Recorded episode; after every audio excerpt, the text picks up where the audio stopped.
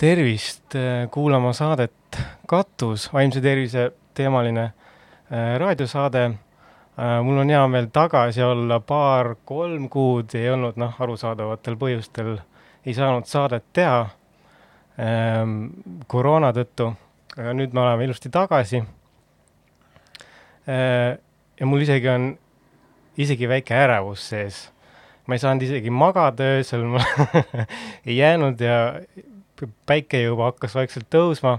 nii et äh, ma palun äh, vabandust, kui mul on veits äh, uimane olla äh,. ärevusest rääkides äh, meie saate teema ongi üldisemalt ärevus, aga täpsemalt võib-olla ärevushäire, sotsiaalfoobia ja muu, muu selline, mis käib kaasas äh,. mul on saates äh, stand-up koomik ja coach Daniel Kasemägi, tere!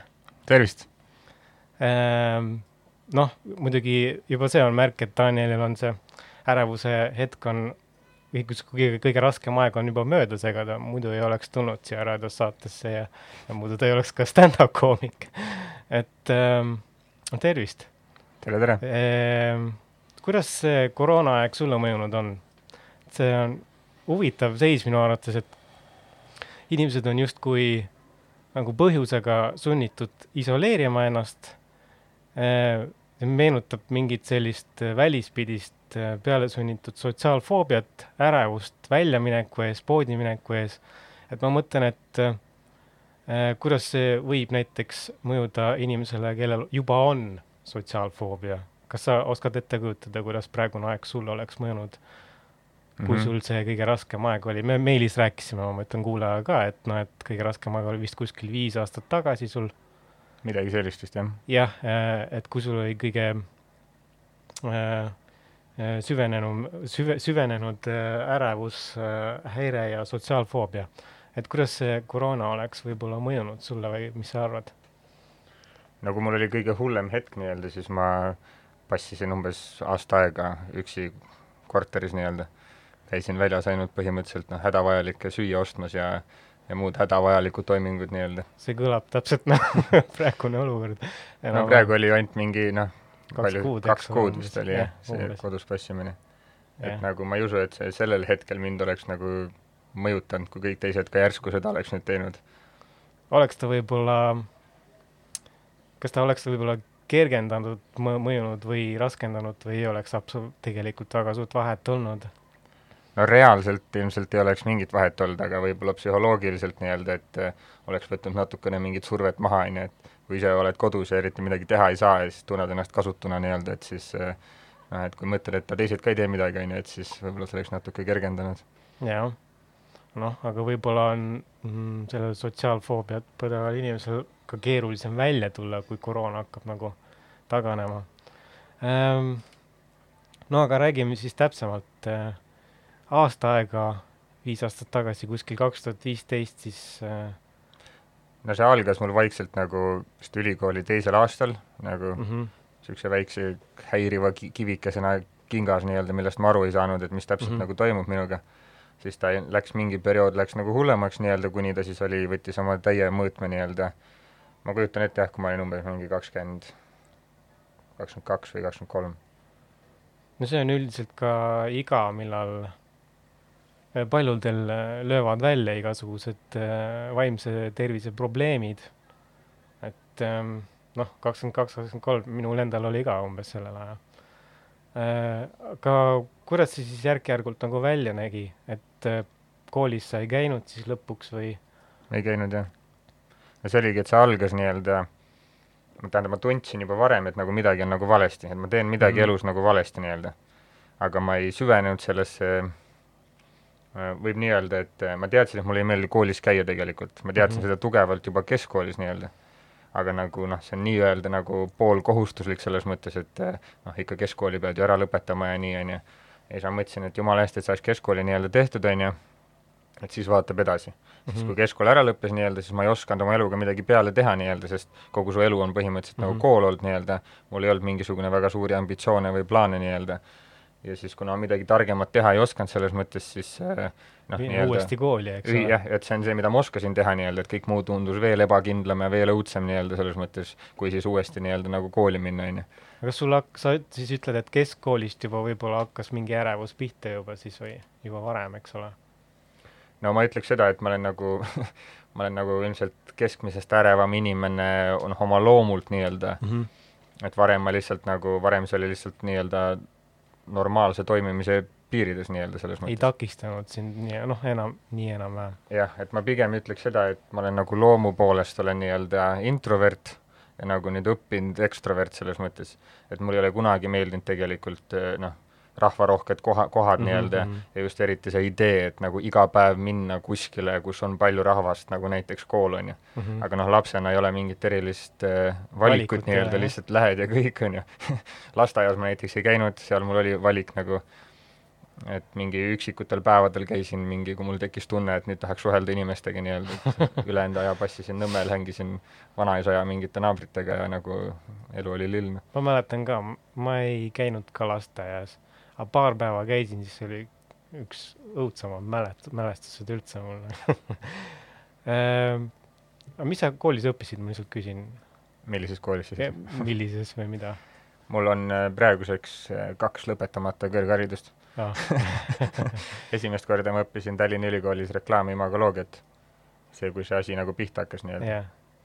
et see oli see teema. aa, ah, et sa oled pärast nagu sellest asjast nii-öelda välja tulles oled veel kool, kooli läinud? jah, et siis ma mõtlesin asja enda jaoks nagu uuesti läbi nii-öelda, mõtlesin, et mida ma nagu tahaks siis õppida nii-öelda ja siis ma läksin õpi-, EKA-sse vabadesse kunstidesse hmm,. see on väga tore ehm,. no mis sa arvad, miks, miks just süvenes need kahekümne, seal viie aasta takka? mis seal, mis seal juhtus, kas kool oli pingeline või mis asjaolud, olud seal kokku sattusid? ma arvan, et see võis olla midagi sellist, et et tegelikult ma noh, mingil määral põlesin läbi juba nagu keskkoolis nii-öelda mm. -hmm. et äh, et see nagu algas nii-öelda sealt just oligi, et mul oli nagu niisugune vastumeelsus selle kooli suhtes nii-öelda ja polnud enda nii-öelda nagu visiooni yeah.. ja nagu ma teadsin, et see kooli formaat ei sobi mulle selles mõttes, või noh, kindlasti ei sobinud nagu sellel hetkel mm. -hmm ja ma nagu, aga kuna ma ei tahtnud nagu võtta iseenda suhtes nii-öelda vastutust või mõelda nii-öelda kastist väljas või ma ei julgenud nagu teha midagi noh, enda sisetunde põhjal nii-öelda, siis ma lihtsalt surusin seda tunnet alla nii-öelda ja siis ma arvan, et lõpuks see kork lendas pealt ära nii-öelda, et et äh, põgenesid ühesõnaga kõikidest kohustustest või mitte kohustustest, vaid äh, väljakutsetest võib-olla või? mitte kõikidest väljakutsetest, aga ma põgenesin kõige olulisema väljakutse eest, mis on siis olla see, kes sa oled nagu no. nii-öelda ja teha seda, mis on nagu sinu jaoks õige, mitte see, mida, mis ühiskond või su perekond või kes iganes arvab, et on õige asi, mida teha. Aga kui sul oli see mm, nii-öelda süvenenud sotsiaalfoobia, ärevushäire, kui sa olid seal üksinda elasid seal korteris, kas sa nagu ise tajusid ka juba algusest peale, et midagi on nagu nihu või? et nagu sa ise oskasid ennast kõrvalt ka vaadata? no see korteri hetk oli juba noh, selleks hetkeks oli see noh, protsess juba kestnud nii-öelda vist noh, aasta või paar või midagi sellist nii-öelda mm. -hmm. et, et selleks hetkeks ma, oli suht kindel, et midagi on nagu valesti nii-öelda. Et ma, noh, kõige hullem periood oligi see, et kui ma ei saanud üldse aru, mis toimub nii-öelda mm. -hmm. sest enne seda ma pidasin, mõtlesin, et ma olen normaalne inimene nii-öelda ja nagu normaalsete mm -hmm. inimestega ei juhtu sellised asjad nii-öelda. noh, et keegi ei räägi niisugustest asjadest, keegi ei ole nagu valmistanud sind ette, vaata, et oo, et noh, et see juht-, see on niisugune asi, vaata, mis juhtub alati kellegi teisega, on ju, mitte kunagi sinu endaga. jah yeah.. aga millal sa nagu abi otsisid või mi-, kust, kust see impulss tuli? väljaspoolt või sinust endast? Traditsioonilisel mõttel abi ma eriti ei otsinudki. psühholoogi, psühhiaatrit ei, ei käinud? Äh, käisin küll paar korda, aga need olid väga negatiivsed kogemused. selles mõttes, ma samal ajal toimus ka see, et mind üritati kaitseressurssidesse nii-öelda nagu äh, võtta ja siis ma pidin käima enda ärevushäirega nii-öelda selles mõttes, kui ma ei tahtnud inimesi näha nii-öelda, et noh, et tule nüüd sinna, näita ennast ette nii-öelda. komisjoni no,. jah, sinna komisjoni nii-öelda ja noh, seal ma puutusin kokku selle noh, komisjoni psühhiaatritega nii-öelda, kes ka siis mingi hetk saatsid mu nagu Seevaldisse nii-öelda mingisugust eh, isiksuse testi täitma või okay. midagi, noh yeah., aga noh, nende suhtumine oli lihtsalt see, et noh, et sa lihtsalt teeskled, vaata, et sa ei taha minna sinna noh, sõjaväkke nii-öelda, et sa lihtsalt teeskled, on ju, et me nüüd vaatame, et kas sa räägid tõtt või ei räägi, on ju. noh, kas tuli välja, et sa rääkisid siis ma täitsin, jaa, ma täitsin selle isiksuse testi ära nii-öelda ja see vastus tuli, et see noh, on tõene nagu selles mõttes. Ja see on siiamaani teeb mulle nalja see, et mis see, mis see kokkuvõte siis oli nii-öelda selle testi. Et nad diagnoosisid mul depressiooni seal, jah, kuigi selleks ajaks ma olin juba suht iseennast nagu aru saanud, et see ei ole depressioon nagu selles mõttes, kindlasti depressioon käis sellega kaasas, aga nagu see Jah. ei olnud see põhiteema. ja see diagnoos oli, et ma olen introvertsusele kalduv enesekeskne arrogant. Mis tegi, ehk siis põhimõtteliselt ma olen ülbe tropp, nagu see on see, mida Eesti riik minust arvab. okei okay.. ja sa ütlesid, et, et, et mõlemad äh, kogemused olid negatiivsed siis äh, nii psühhiaatri kui psühholoogiga või? ma mingi hetk mõtlesin, et nagu otsisin selliseid äh, tähendab, mul oli nagu, mul oli kinnisidee, mis eristab mind võib-olla noh, mingil määral, et mm -hmm. mul oli mingi, hoolimata sellest, et mu enesekindlus oli nagu täiesti nagu nulli kukkunud, siis mul oli mingi kindlus, mis ütles mulle, et ma ise sain siia auku sisse nagu jah, nii-öelda loomulikke kanaleid pidi nii-öelda ja ma saan siit ise nagu loomulikku teed nagu välja nii-öelda. ma ei teadnud, mis need teed on või variandid, aga mul oli selline tunne. ja siis ma otsisin nagu abi, et ma tahtsin saada äh, mingisugust ravimeetodit või midagi, mis ei hõlma ra nagu ravimeid konkreetselt nii-öelda, et ma ei peaks mingeid tablette võtma nii-öelda. Mhm. Ja seda ma absoluutselt mitte kuskilt ei saanud, et kui ma esitasin seda ideed nii-öelda kas psühholoogile või psühhiaatrile nii-öelda, siis nad ütlesid, et see on väga tore, et see on väga tervislik lahendus, aga näe, siin on tabletid, hakka võtma, vaata. aga mõni terapeut näiteks, ega nemad ei saagi tablette kirjutada sulle, seda oled mõelnud või? mingeid teraapiaid? ma jah, ülemõtlemine on, käib sellega väga nagu käsikäes selles mõttes, et ma mõtlesin kõikide asjade peale ilmselt liiga palju. Aga selle nagu takistus põhiliselt oli see, et selleks, et abi otsida, selleks sa pead minema kodust välja. Sa pead minema kuskile, kus on No võõrad inimesed nagu, kellega sa ei taha suhelda tegelikult, et see peab olema väga põhjendatud risk nagu nii-öelda, kui ma teen selle sammu. ja ma mõned korrad tegin seda ja ma sain vastu näppe nii-öelda need korrad. siis veel süvendas veelgi võib-olla, siis noh, sest see põhiteema, kus mul ärevus hakkas, oligi, see oli loenguruum ja nagu ühistransport nii-öelda mm mm.. ja autot mul ei olnud sel hetkel, raha ka väga palju ei olnud selles mõttes, et äh, äh, aga ühte nendest viisidest sa pead kasutama selleks, et jõuda äh, kus iganes see abi on nii-öelda, et see abi ei tule sinuni nagu selles mõttes. mm. -hmm. aga kui sa näiteks äh, noh, võtad sammu ette ja lähed ühistransporti, mis, mis see on siis see, mis ärevust tekitab, lihtsalt inimesed või on seal mingi tunne taga või? Lähedus võib-olla siis või, kas inimesed on liiga lähedal, see oli see, mis nagu ärevust tekitab või? ma arvan, et see on äh,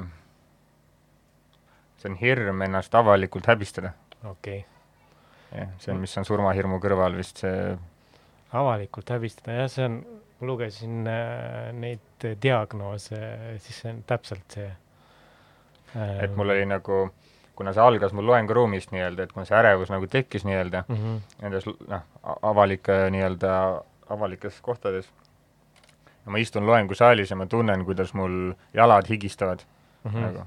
Ma tunnen lihtsalt süda nagu lööb, süda lööb kiiremini, tunnen mu jalad higistavad ja siis see, mida ma mõtlen, on nüüd see, et nüüd ma tõusen siit tooli pealt püsti, vaata, ja kõik mu tagant on lihtsalt tagumik ja jalad on märjad, vaata nagu ja kõik näevad seda, et mul on nagu okay. tool on märg, on ju, et see on imelik, vaata nagu selles mõttes ja et Jah. noh, et see tekitas nagu äh, noh, nii tugevat nagu ebakindlust nii-öelda, samal ajal kui ma kogu aeg üritasin üleval hoida mingisugust laheda kuti fassaadi nii-öelda seal äh, noh okay., koolis nii-öelda sa mõtled ülikoolist siis või? noh, ülikooli, ülikoolis kindlasti, keskkoolis ka nagu noh, see ongi see, et see on see, mis avalik nagu ähm, kuidas ma ütlen, kuidas see õnnestus sul siis, kas sõbrad pidasid sind cool'iks vennuks? ma arvan, et kui sa üritad vaata lahe olla, siis tegelikult inimesed saavad aru, et sa ei ole lahe nagu, väga harva juhtub, kui läbi läheb jah, aga aga nagu noh, ikkagi nagu kõik inimesed mingil määral vaata, et mida rohkem sa iseendaga nagu kursis oled, vaata, iseendast aru ei saa, seda rohkem sa üritad nagu noh, näidata teistele mingit pilti, mida sa arvad, et nad tahaksid näha nii-öelda selles mõttes või noh, meeldida inimestele nii-öelda, et olla nagu so- sotsiaalselt aktsepteeritud või aktsepteeritus, see on ka mingi tunnustuse vajadus, eks ole. et ähm, kas see on sul nagu alati, noh, igal inimesel on tunnustuse vajadus, olgu mis on, et noh, et et ähm, kas sa ütleks, et sul oli puudus sellest siis? näiteks äh, nooremas eas või? see on võimalik, selles mõttes jah, nagu sa ütlesid, kõik inimesed tahaks, et need tunnustatakse nende asjade eest, mida nad teevad nii-öelda mm. -hmm. aga see läheb ka võib-olla sellega kokku, et sa ise veel ei teadnud, mida sa tahtsid teha, mingit visiooni ei olnud, eks ole. ma arvan, et ma ei teadnud, kas ma olen nagu, sest nagu see tuleb sellest noh, teismeeast nii-öelda, et noh, sa lähed lapsepõlvest, lähed teismeikka mm -hmm. nii-öelda siis teismea mõte on sulanduda gruppi nii-öelda, teha seda, mida kõik teised teevad nagu nii-öelda, ja siis tekib see üleminek teismeeast täiskasvanuikka, on ju, kus sa pead mõtlema välja, et aa et kes mina nüüd olen nagu selles mõttes. et see kamp enam ei loe nagu selles mõttes. ja siis ma saingi aru, et nagu see, mis, mis kamp, kambad, milles ma hängisin nii-öelda selles mõttes, et see ei ole see, kes mina olen, vaata, et ma olen nagu, tahan teha oma asja või nagu, et mu mõtted on teistsugused nii-öelda. jah, noh ja lihtsalt sellises olukorras, kui sa ei tea, mida sa ise, mis sa ise oled, eks ole, mida tahad teada saada, ega siis tunnustuse küsimine on ka imelik asi, millele sa küsid tunnustust, et noh, et võib olla küll tõeline selline võõrandumus siis iseendast. no sel hetkel jah, ma ei osanud isegi mõelda niisuguse asja peale, et nagu, et teadlikult küsida noh, tunnustust vaata ja nagu ja. sa ütlesid, et ega ei tea ka, mille eest täpselt, on ju. jah ähm, aga räägime siis mitte ühistransport, eks ole, inimeste lähedus, aga mis, mis tegi see, selle korteri sinu jaoks turvaliseks? kas see oli üldse nagu niimoodi, et sa jõuad korterisse ja sa tunned, et sa oled täiesti nagu turvalises keskkonnas? no Või... nii ta, nii ta selles mõttes jah, minu jaoks oli, sellepärast et eh, noh, korteris ei olnud mitte kedagi teist, kes mind nagu hukka saaks mõista nii-öelda või et noh, ma võin seal teha mida iganes nagu aga sa seda ei mõelnud, et see korter on ka mingis mõttes seotud, kas see korter oli sinu oma või oli see üürikorter? Äh, see korter kuulus mu isale vist sel hetkel, jah.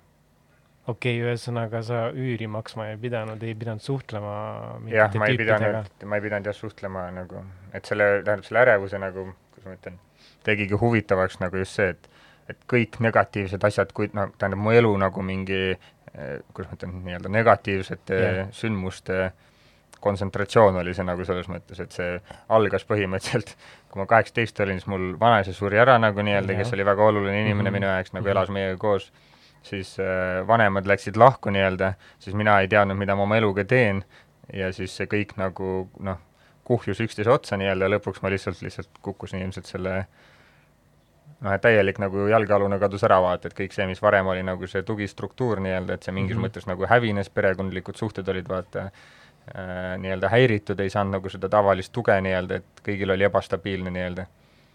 ja siis ma kuidagi seal vahepeal siis üritad aru saada, et kes ma olen, mida ma tahan nii-öelda, mis ma endaga tegema ja. peaks. sa hikikomorisid ka tead või? Jaapanis need äh ei ole kuulnud. inimesed, kes ka sulgevad ennast kinni kuskile korterisse ebakindlusest.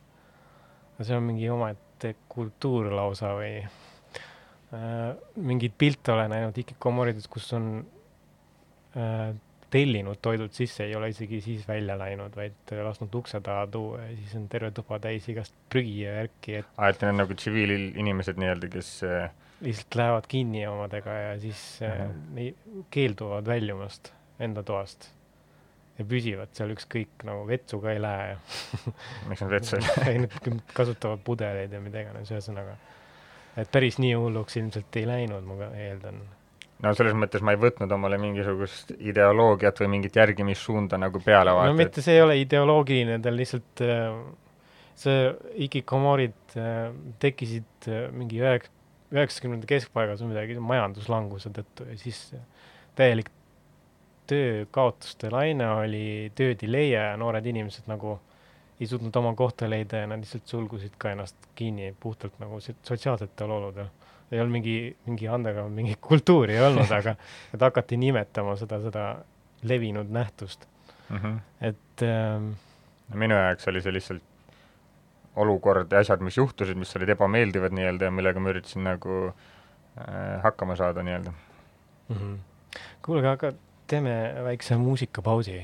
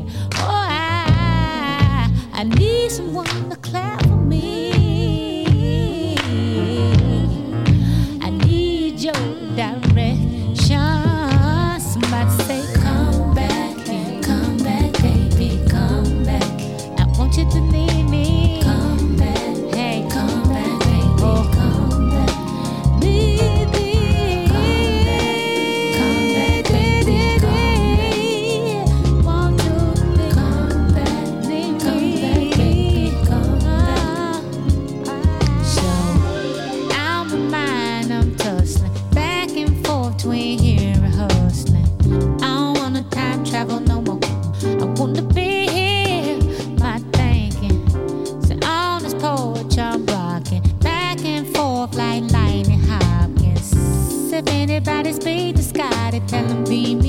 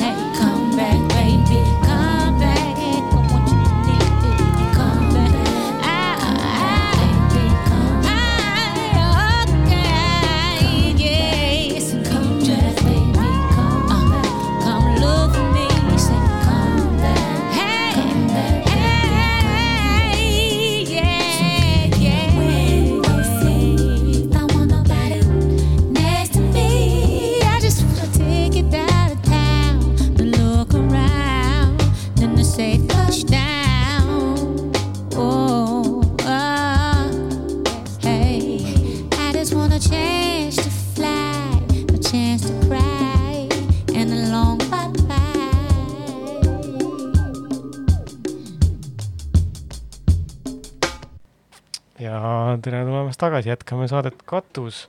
külast on jälle Kasemägi, räägime ärevusest, sotsiaalfoobiast ja muust.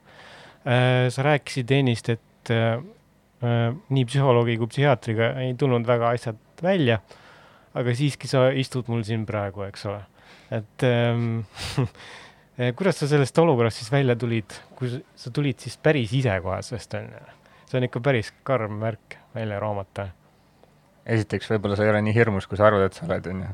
et Okei. et ma julgen istuda siin sinuga koos. aga jah, ma arvan, jah, pigem vist, ma ei tea, kui palju üldse keegi saab nagu üksi millestki välja tulla, vaata et ikkagi aga keegi oli siis abiks ka või toeks?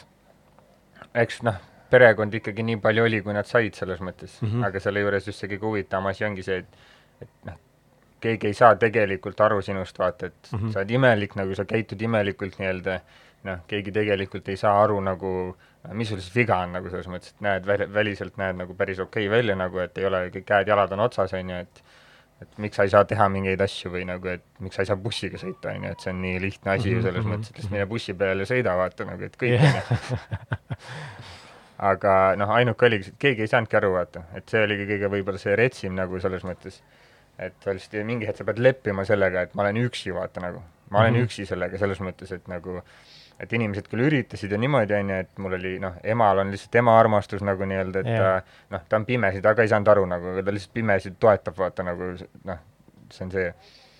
vennale ma üritasin nagu selgitada neid asju, ta sai nagu aru nendest, aga siis noh, mingi aja pärast on jälle see, et ütleb, et aa, kuule, saame seal kokku, onju. kuidas ma sinna tulen, tule bussiga, ma mingi fuck, ma seletasin sulle just, et ma nagu ei, ma ei saa, ja siis ma mingi hetk nagu noh, väsid nii ära nagu, energiat on vähe nagu ja siis väsid ära lihtsalt, et inimestele selgitamast, et ma ei, nagu ma sedasama asja uuesti nagu, et ma, ma ei saa, vaata, ma ei saa, noh. mm. -hmm. Äh, aga kuidas sa siis välja tulid, et aasta otsa oli kõige raskem aeg, mis see, mis see moment oli, mis, kust hakkas nagu kergemaks minema? No kergemaks hakkas ilmselt minema siis, kui ma sain aru, mis asi see on nagu nii-öelda, et ma panin ta mingi, mingi raamistiku andsin talle nii-öelda. kas sa siis guugeldasid või nagu üritasid ise ennast diagnoosida või? jah, põhimõtteliselt ilmselt nagu, ilmselt see noh, mingil määral need, ma ei tea, need kokkupuuted siis psühhiaatrite ja asjadega, noh, need andsid mingeid vihjeid võib-olla nii-öelda, kuigi nad, jah, kuigi nad ei pannud ka nagu täppi nii-öelda, et nad tahtsid ka mingisugust oma visiooni nii-öelda peale suruda selles mõttes. Aga siis mingi hetk ma hakkasin aru saama, et okei okay,, see ilmselt vastab nendele tingimustele, ilmselt see on midagi sellist nii-öelda. mis on eriti hea, et kui sa guugeldad seda, et ärevushäire on ju, Mhm. kellel see esineb, peamiselt naistel. esimene efekt on see fuck, nüüd mul on mingi naistehaigus nagu selles mõttes, et see ei lisanud ka nagu absoluutselt äh, nagu enesekindlust juurde nagu mehena selles mõttes tegeleda selle teemaga või tunnistada seda probleemi vaata või noh, ma midagi ei tea, nüüd, nüüd kui ma lugesin neid ähm, diagnoose, siis ärevushäiret ikka esineb, on kirjutatud ka, et ikka enam-vähem võrdselt meestel ja Mhm. naistel, võib-olla tol hetkel võib-olla leidsid mingit niisugust infot. tol hetkel jah, ikkagi see tuli, et noh, peamiselt on ikkagi, esineb seda naistel nii-öelda. seal on ka ilmselt mingid eri nagu liigid, seal on erinevad foobiapõhised äh, ärevushäired, siis lihtsalt paanikahäired, kas sul paanikahoogusid ka oli? ja mul oli paanika jah. noh, need paanikahood tekkisidki siis, kui näiteks, kui ma olin kuskil bussis või et noh, et see tipphetk oligi siis see, kui ma sõitsin bussiga, siis ühe peatuse nagu ja siis täiesti nagu oled juba ära ära? noh, et saaks jumala eest, saaks välja lihtsalt siit nii-öelda mm. -hmm. ja siis buss teeb uksed lahti, siis sa oled ühe peatuse sõitnud ja lihtsalt üleni värised nagu selles mõttes ja üritad suitsu teha nagu, et äkki see rahustab maha, mis on muidugi täielik jama, sellepärast et suits on see, mis äh, on erguti. nagu nii-öelda, et noh, ei rahusta. aga sa siis äh, kõndisid igale poole või? jah, ma kõndisin jah. igale poole reaalselt. Ja kui mul oli õnneks jalgratas ka, et mingitel aastaaegadel ma sain noh, mingid vahemikud sain sõita nagu jalgrattaga, aga ma lihtsalt jah, ma kõndisin tuimalt. mm. -hmm. aga nüüd, kui sul panid nii-öelda konteksti enda asja, sa said mingid märksõnad teada, mis see, mis need järgmised sammud oli, mida sa tegid? nagu, kas sa lihtsalt hakkasid mõtlema, et oo, ma hakkan nüüd rohkem väljas käima või, või mi- mis otsast sa pihta hakkasid? See murdehetk vist minu jaoks oli siis, kui ma avastasin nagu meditatsiooni.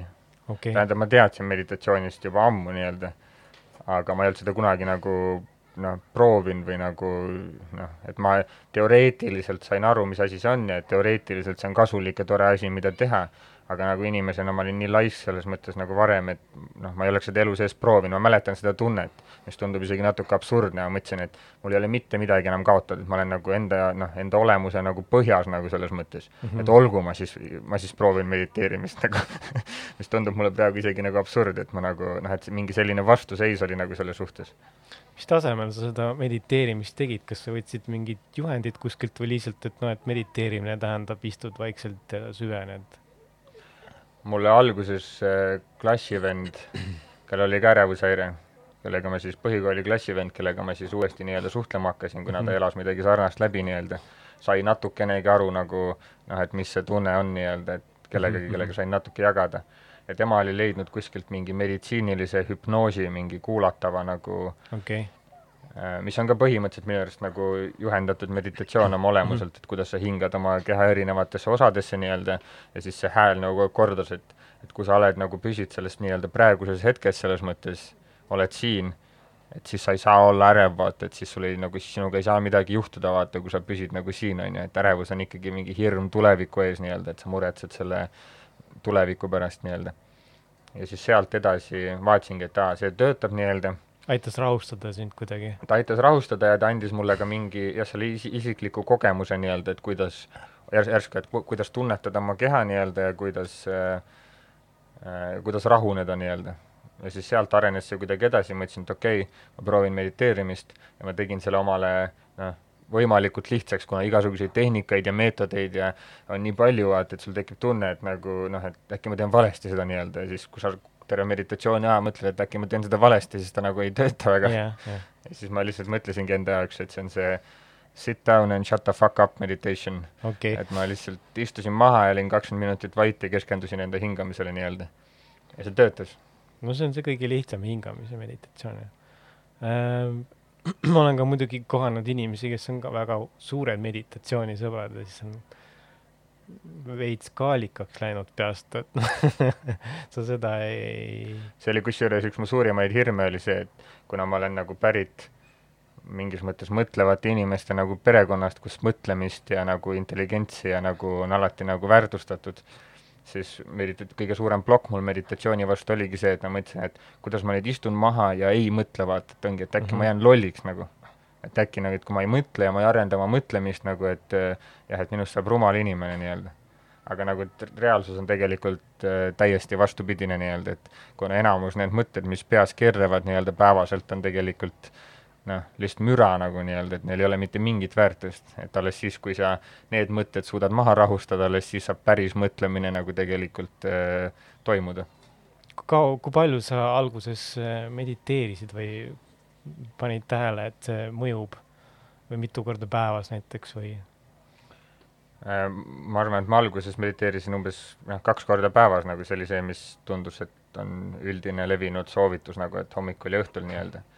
Et leida omale see mingi, kuna kõik asjad olid nagu jalgealune oli nii ebakindel nii-öelda, siis äh, noh, see väike distsipliin või rutiin annab sulle mingisuguse ankru nii-öelda, et ma tean, et need kaks hetke päevast on need, mis on minu kontrolli all põhimõtteliselt Mhm. nii-öelda, et et siis ma noh, ma ei saa kontrollida seda meditatsiooniprotsessi, aga ma saan kontrollida seda, et et ma istun maha ja olen see kaks minutit vait nii-öelda kas sul oli veel midagi, mis peale meditatsiooni aitas äh, rahustada ja välja tulla sellest momendist, raskest hetkest?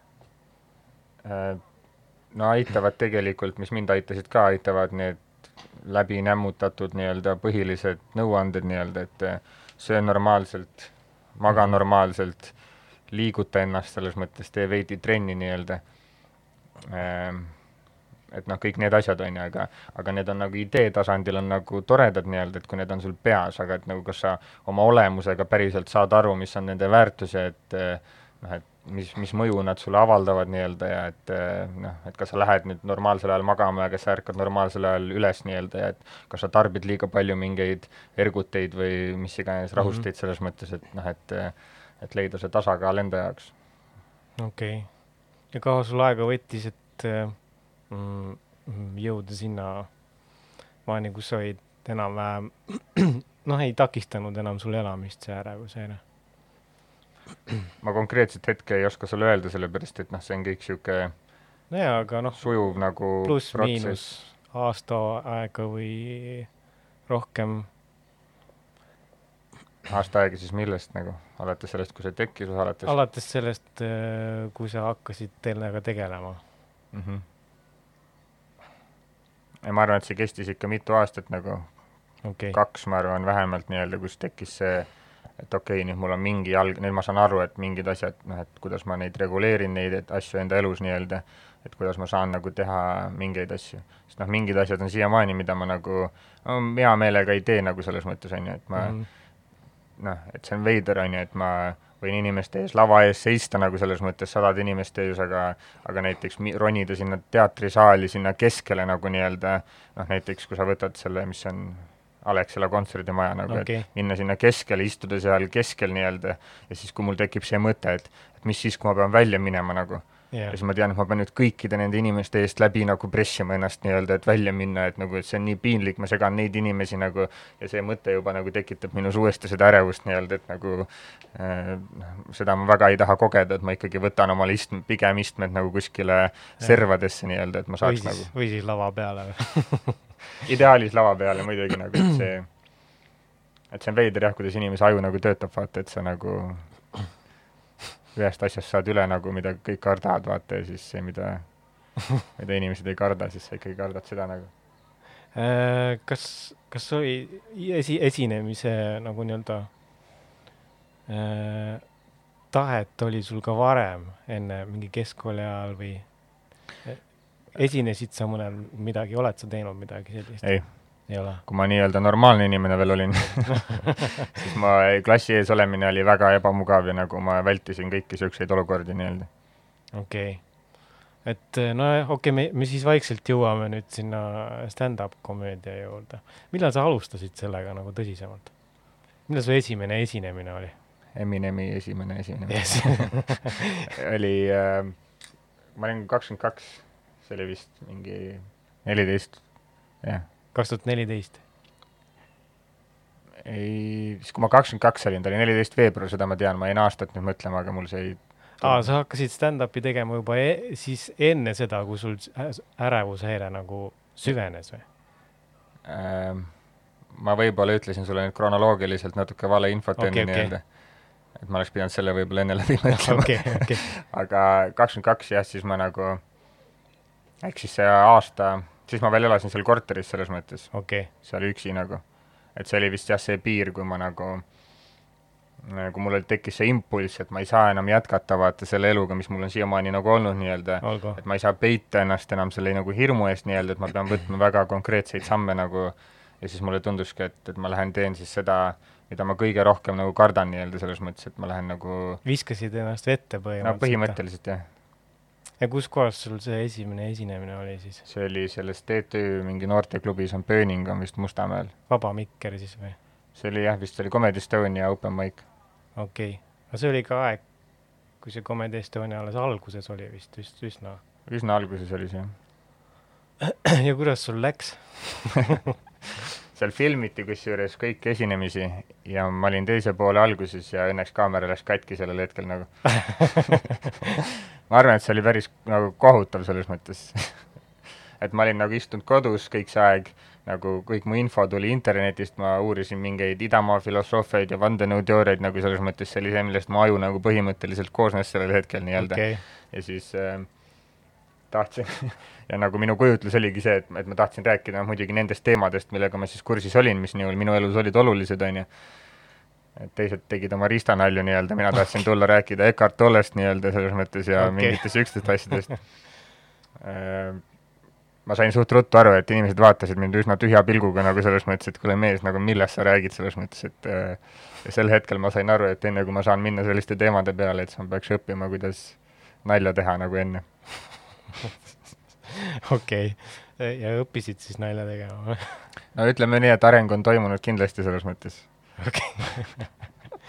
mis sind nagu okei okay,, sa viskasid ennast vette, aga mis sind nagu stand-up'i juures nagu köitis just, just see vorm? võib ju esineda igasuguste muude asjadega, aga miks just stand-up? Stand-up'il on kõige vähem nõudmisi selleks, et sellega alustada nii-öelda. Okay., reaalselt iga jorss võib seda teha nagu selles mõttes, et tahad, lihtsalt tee nagu. Et seal ei ole nagu mingit künnist, mida ületada nii-öelda, et et ma istusin kodus, eneseväljendust üldse ei olnud mingit poolt, ma tundsin seda, et mingi asi vaata lihtsalt kuhjub ja kasvab nagu sees nagu, et tahaks midagi öelda, et loed internetist ka, arvad, et sa oled tark nii-öelda, et hullult tahaks nagu jagada nüüd tarkust maailmaga või nalja või mida iganes. Ja siis mul oligi see, et, et kuna need mingisugused filosoofiad ja mingid teooriad ja nagu, et see on suhteliselt intensiivne nagu niisugune pigem isegi kohati negatiivne informatsioon nagu, siis ma tasakaalustasin seda nii-öelda vaadates nii-öelda komöödiat ja vaadates nii-öelda no, stand-up komöödiat just. Mhm, et ma avastasin alguses ühe koomiku, ühe briti koomiku, kes on Russell Brand, ma ei tea, kas sa oled kuulnud. tean. Esiteks ta meeldis mulle oma välimuselt, ta riietus ekstravagantselt nii-öelda selles mõttes, mis äh, avaldas mulle muljet nii-öelda, mis oli see, et mida ma oleksin tahtnud ka niisugune olla, kui ma oleks julgenud nii-öelda.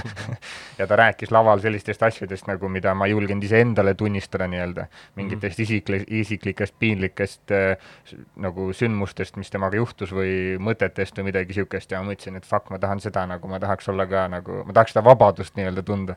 okei okay., tundsid sa siis lõpuks? Kindlasti jah, sest ongi, et kuna stand-up'is su keegi ei reguleeri, mida sa võid või mida sa ei või rääkida, siis sa võidki rääkida ja nagu enda is-, ebakindluste tunnistamine nagu avalikult on üks äh, äh, kuidagi see suurendab su enesekindlust, mitte nagu ei vähenda nii-öelda, et saad aru, et tegelikult see on okei okay,, vaata nagu, et ja inimesed tunnevad ära selle võib-olla, et aa, et minuga on juhtunud ka see, et noh, saad enda üle naerda ja jah. teised saavad sinu üle naerda, vaata, et see on nagu vabastav kogemus nojah äh,, mingis mõttes ka äh, teraapia tõenäoliselt sellest puhust, puhul siis. kindlasti.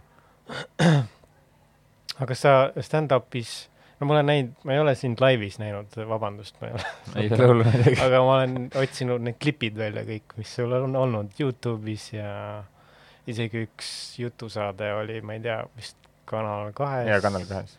Ma muidu telekat ei ole juba mingi kümme aastat vaadanud, aga ma selle vaatasin. ma, ega ma ei vaata ka seda saadet, ma lihtsalt käisin seal. okei okay,, minu, kusjuures minu jaoks oli see huvitav, sest see üks saatejuht on Jüri Butšakov, kes oli minu kursavend jah, äh, ülikoolis. jah, ja sellel ajal, kui ma olin veel nii-öelda normaalne või enda arust vähemalt ei mõtlenud niisuguste asjade peale, siis tema oli see, kes tegelikult tutvustas mulle nagu seda stand-up komöödiat nii-öelda, näitas mulle mingeid Eddie Murphy äh, nagu neid stand-up'i spetsialeid nii-öelda, et tema arust oli see nii lahe, vaata, ja ta nagu kandis selle, et see on nii lahe, vaata, et ta kandis selle efekti mulle nagu edasi mm. Mhm. et mis ilmselt mõjutas mind ka, et siis, kui see idee mul tuli nagu nii-öelda, et siis see noh, tõenäoliselt oli nii-öelda ka tema poolt kuidagi noh, mõjutatud nii-öelda, et miks mulle tundus, et see on väärt asi, mida proovida. okei okay.. kas sa mm, nendest klippidest küll väga välja ei tulnud, aga kas sa kasutad enda seda kogemust ärevushäirega ka materjalina ära? vabandust lolli küsimuse eest, kui sa nagu tegelikult iga stand-up'is võib-olla teed ja mina ei ole näinud enne, et siis ma olen lihtsalt teadmatusest mingi hetk, vaat, kui sa saad ennast nagu tühjaks rääkida nii-öelda, saad rääkida need asjad ära, siis need kaotavad enda mõju nagu ja siis ei ole nagu seda vajadust enam noh, et iga kord nüüd jaurata sellel teemal. Aga noh, kui sulle ütled, et sul on ärevust siiamaani tegelikult mingil määral, siis enam-vähem toidab nagu võib-olla mingeid situatsioone sulle ette või no kõikidel inimestel on nagu selles mõttes ärevus, vaata, et kui ma vaatan ka teisi koomikuid, kui me oleme lava taga või lähme nagu lavale nii-öelda, siis sa näed, et kõik tunnevad ärevust, kõik kahtlevad endast, kõik arvavad, et nad on mõttetud inimesed sellel hetkel, vaata, enne kui nad lavale lähevad. okei ähm,. Kuidas sulle E- Eesti sellel äh, stand-up skeenel üldse tundub, kas ähm,, kas inimesed on enamasti de depressioonis või mitte või, või kuidas, missuguseid sa tüüpe mõtled nagu publik või ei, esinejad? esinejad koomikute seas, kuidas see vaimse tervise teema üldse nagu on, on nagu õhus või ei ole? ma ei usu, et see erineb väga palju nagu noh, sellest üldisest olukorrast nii-öelda, et Mhm. mis äh, üldse nagu riigis või mis iganes toimub nagu või maailmas. et äh, eks me kõik tunneme aeg-ajalt, oleme veits masenduses ja niimoodi, on ju. Mhm. et osadel noh, no see väljendub erinevalt nii-öelda. ma ei ütle, et kõik oleks mingi, et oleks kedagi, kes oleks mingi täielikus mustas augus nii-öelda kogu aeg selles mõttes. Mhm, okei. Ähm, see on muidugi minu see mulje nagu, ega ma ei, inimeste sisse ei näe selles mõttes. kuule, kuulame ühe muusika veel.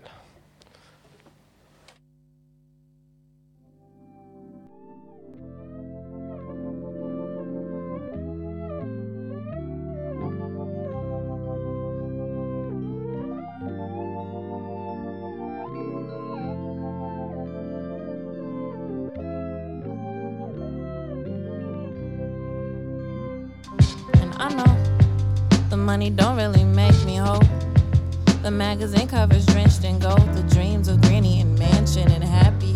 The little things I need to save my soul. And I know the money don't really make me whole. The magazine covers drenched in gold. The dreams of granny and mansion and happy. The little things I need to save my soul. Who am I, Gypsy Rap? Gypsy need her dollar back and all of that. My devil's only closer when I call him back. Lick her in the limelight, lick her in the limelight with fine wine and ecstasy. You can have the rest of me. Basket case, silhouette, cigarette, internet. Check my Twitter page for something holier than Black Death. Who am I, Gypsy Black? The vacancy of Hallelujah. Me hollow in my interviews. Me only wearing tennis shoes to clubs with dress codes. Cause fuck they clubs. Everything is everything. Me no name. Me niggas doing cocaine. Me missing brother Mike like something heavy. Me heart just wasn't ready. I wish I was a kid When the again. sun is going down,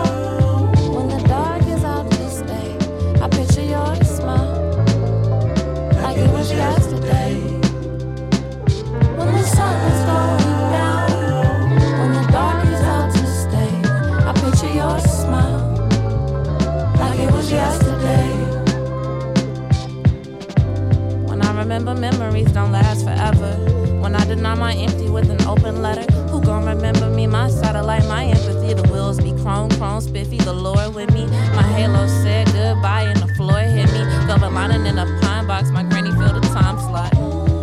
Don't grow up too soon. Don't blow the candles out. Don't let them cops get you. My granny almost sparrow. I can see the wings. The choir sings. And not a ding la da da da da. Only he can save my soul. And I know the money don't really make me whole. The magazine covers drenched in gold, the dreams of granny and mansion and happy. The little things I need to save my soul. When the sun is going down, when the dark is out to stay, I picture your smile like it was yesterday. When the sun is going down, when the dark is out to stay, I picture your smile like it was yesterday.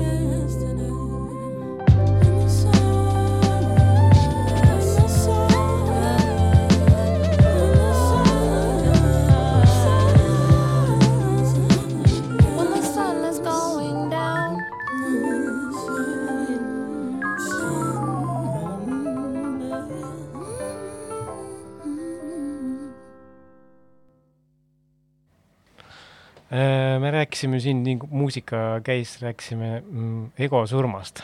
sa rääkisid, et äh, teatud esinemise vajadusega või kaasneb ka teatud edevus või ego, et sa tahad, et sa oleksid tähtsam, kõige tähtsam nagu selles, mitte kõige tähtsam, et sa oleksid tähtis, ühesõnaga. jah, et tähelepanuvajadus, et sa tahad, et sind vaadatakse.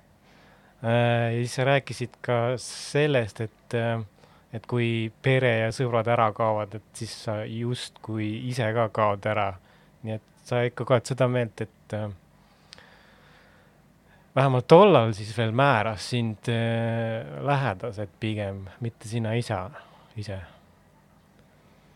ma sõnastaksin seda pigem nii, et äh, millest ma sain nagu, mis oli mu esimene nagu see äh, nagu meditatsiooni kogemus, nagu tugev meditatsiooni nagu tunnetuslik kogemus nii-öelda, mis ma sain, oligi see, et ma sain aru sellel hetkel, et ma varem arvasin, et et enesekindlus tuleb nagu väljaspoolt nii-öelda.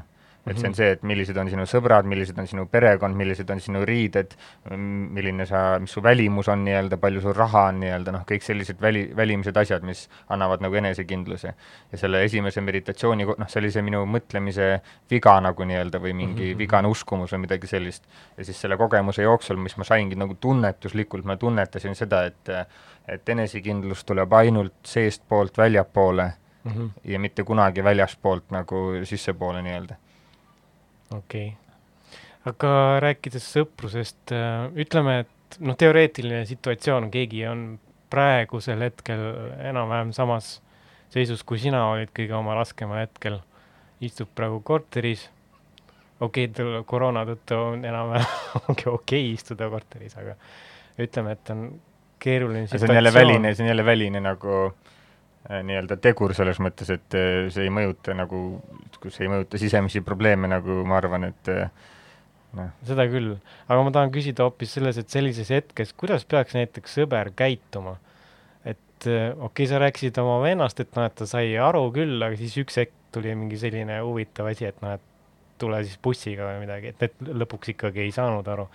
kuidas peaks nagu sõber nagu lähenema, et äh, kas ta peaks nagu üksi, üksinda lähenema või kas ta peaks nagu külla tulema või mismoodi ta peaks näitama oma toetust äh, sellises hetkes, et see ei, ärevushäiret nagu veel hullemaks ei jääks? see on väga nagu selles mõttes väga keeruline küsimus, selles mõttes, et see on väga ilmselt personaalne nagu mm, -hmm. mis nagu sobib kellegi jaoks või ei sobi.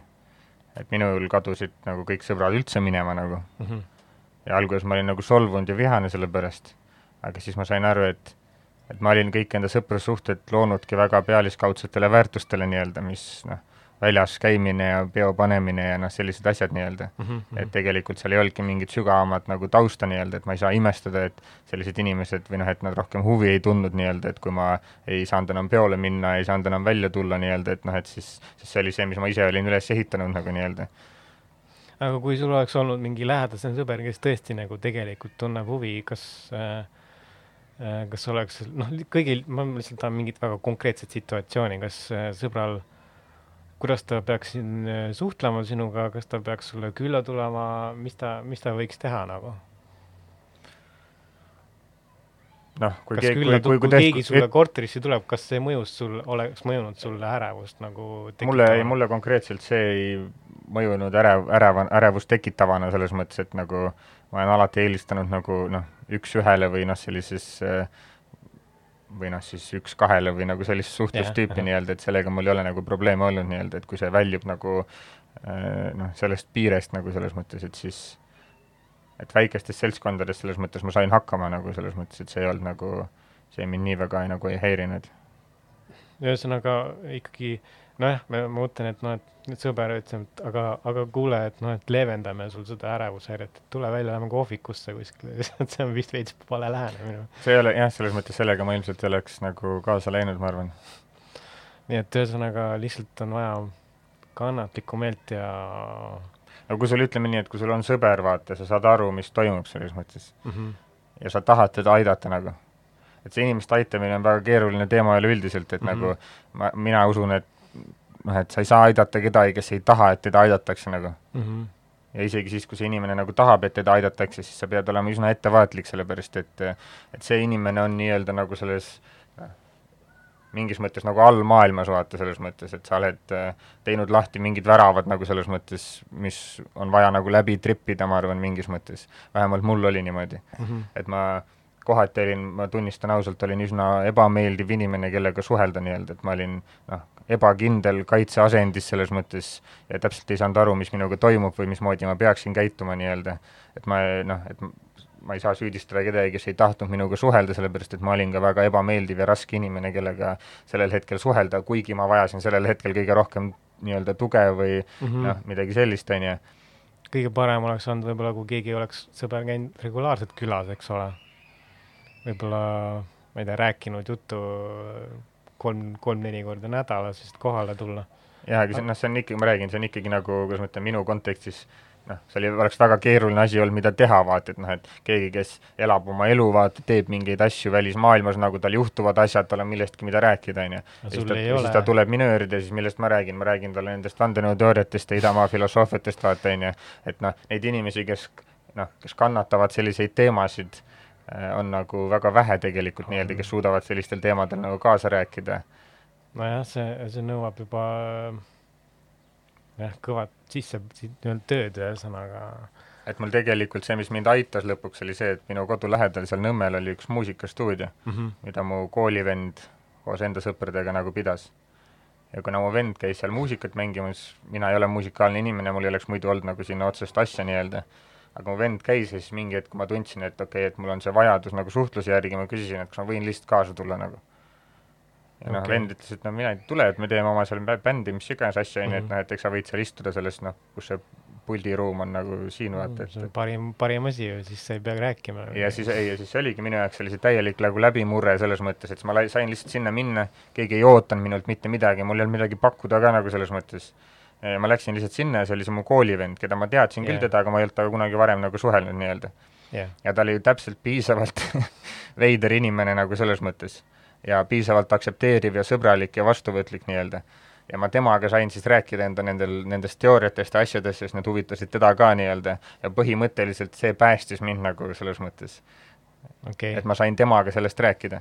Kui sügavale auku sa läksid sinna vandenõuteooriatega ja kas sa oled siiamaani seal ma ei tea, kuidas defineerida seda auku nii-öelda selles mõttes, aga vot ei tea jah, see oleneb kuna ma õppisin äh, ülikoolis ka seda noh, propagandat ja mm. -hmm. reklaami nii-öelda, siis see nagu oli mingis mõttes noh, mu huvi ja nagu läks nagu sinna suunda nii-öelda, ja siis noh, need teooriad tegelikult on kõik äh, noh, ühiskonna kontrolli teemad ja mis iganes asjad on noh, sellega nii-öelda seotud, on ju. No siis ma käisin kõik läbi, kõik, mis vähegi nagu kätte sai nii-öelda sel hetkel, siis ma nagu äh, nii-öelda lugesin läbi või vaatasin ilmselt üle nii-öelda. aga kas äh, need äh, teooriad äh, või võisid ka süvendada sul seda ärevust või välismaailma suhtes? noh, see on, kindlasti võivad muidugi. sõltub, kuidas sa suhtud neisse, kuidas sa vaatad neisse nii-öelda. et noh, neid niisugust nagu seda infot ilmselt tuleb nagu alati väikese ettevaatusega nagu nii-öelda tarbida nagu selles mõttes, et noh, et sa ei saa pimesi uskuda kõike, mis kirja pannakse nagu selles mõttes või mis Mhm. kuskil üleval nii-öelda on, et see on just üsna nagu negatiivse alatooniga nagu eh, noh, materjal nii-öelda, ühesõnaga maailm on untsus, vaata, kõik on pekkis nagu selles mõttes, et nagu väljapääsu ei ole nagu laias laastus nii-öelda, või noh, see on see esimene mulje, mis nagu tekib nii-öelda, et kui sa selle sisse lähed nagu nii-öelda, siis kindlasti see võib olla nagu äh, noh, sü-, süvendada nii-öelda para- ärevust., paranoia, jah. Nojah, mingil, mingil määral nagu. mul tuleb ikka meelde kirjanik David Foster Wallace ühes romaanis kirjutas äh, vist ühe kõige paranoilisema küsimuse üldse on see, et kas ma olen piisavalt paranoiline. see kõlab nagu üle, ülemõtlemine. ei no see ongi just nagu next level paranoia aga aga nagu äh, selles mõttes, et kui, kui sa õpid nagu või noh, kui mina õppisin selles mõttes äh, nagu läbi meditatsiooni nagu mõtteid nagu filtreerima nii-öelda selles mõttes neid nagu maha rahustama, mhm, siis äh, läbi sellise vaatenurga nii-öelda siis noh, üsna hästi saad tegelikult aru nagu tunnetuslikult nii-öelda, et mis äh, mille pärast oleks vaja muretseda ja mille pärast ei ole nagu vaja muretseda nii-öelda, et mhm. No ega lõplikku selle vastust ei ole tegelikult, mille pärast muretseda, mille pärast mitte, et noh, et mingit selget vastust ei ole, eks ole. aga ilmselt ärevushäire puhul on see, et äh, et siis, kui sa muretsed liiga palju ja sa ei saa üldse eladagi, vot see on probleem, eks ole. no muretsemine on, keegi ütles, et muretsemine on palvetamine asjade pärast, mida sa ei taha, on ju.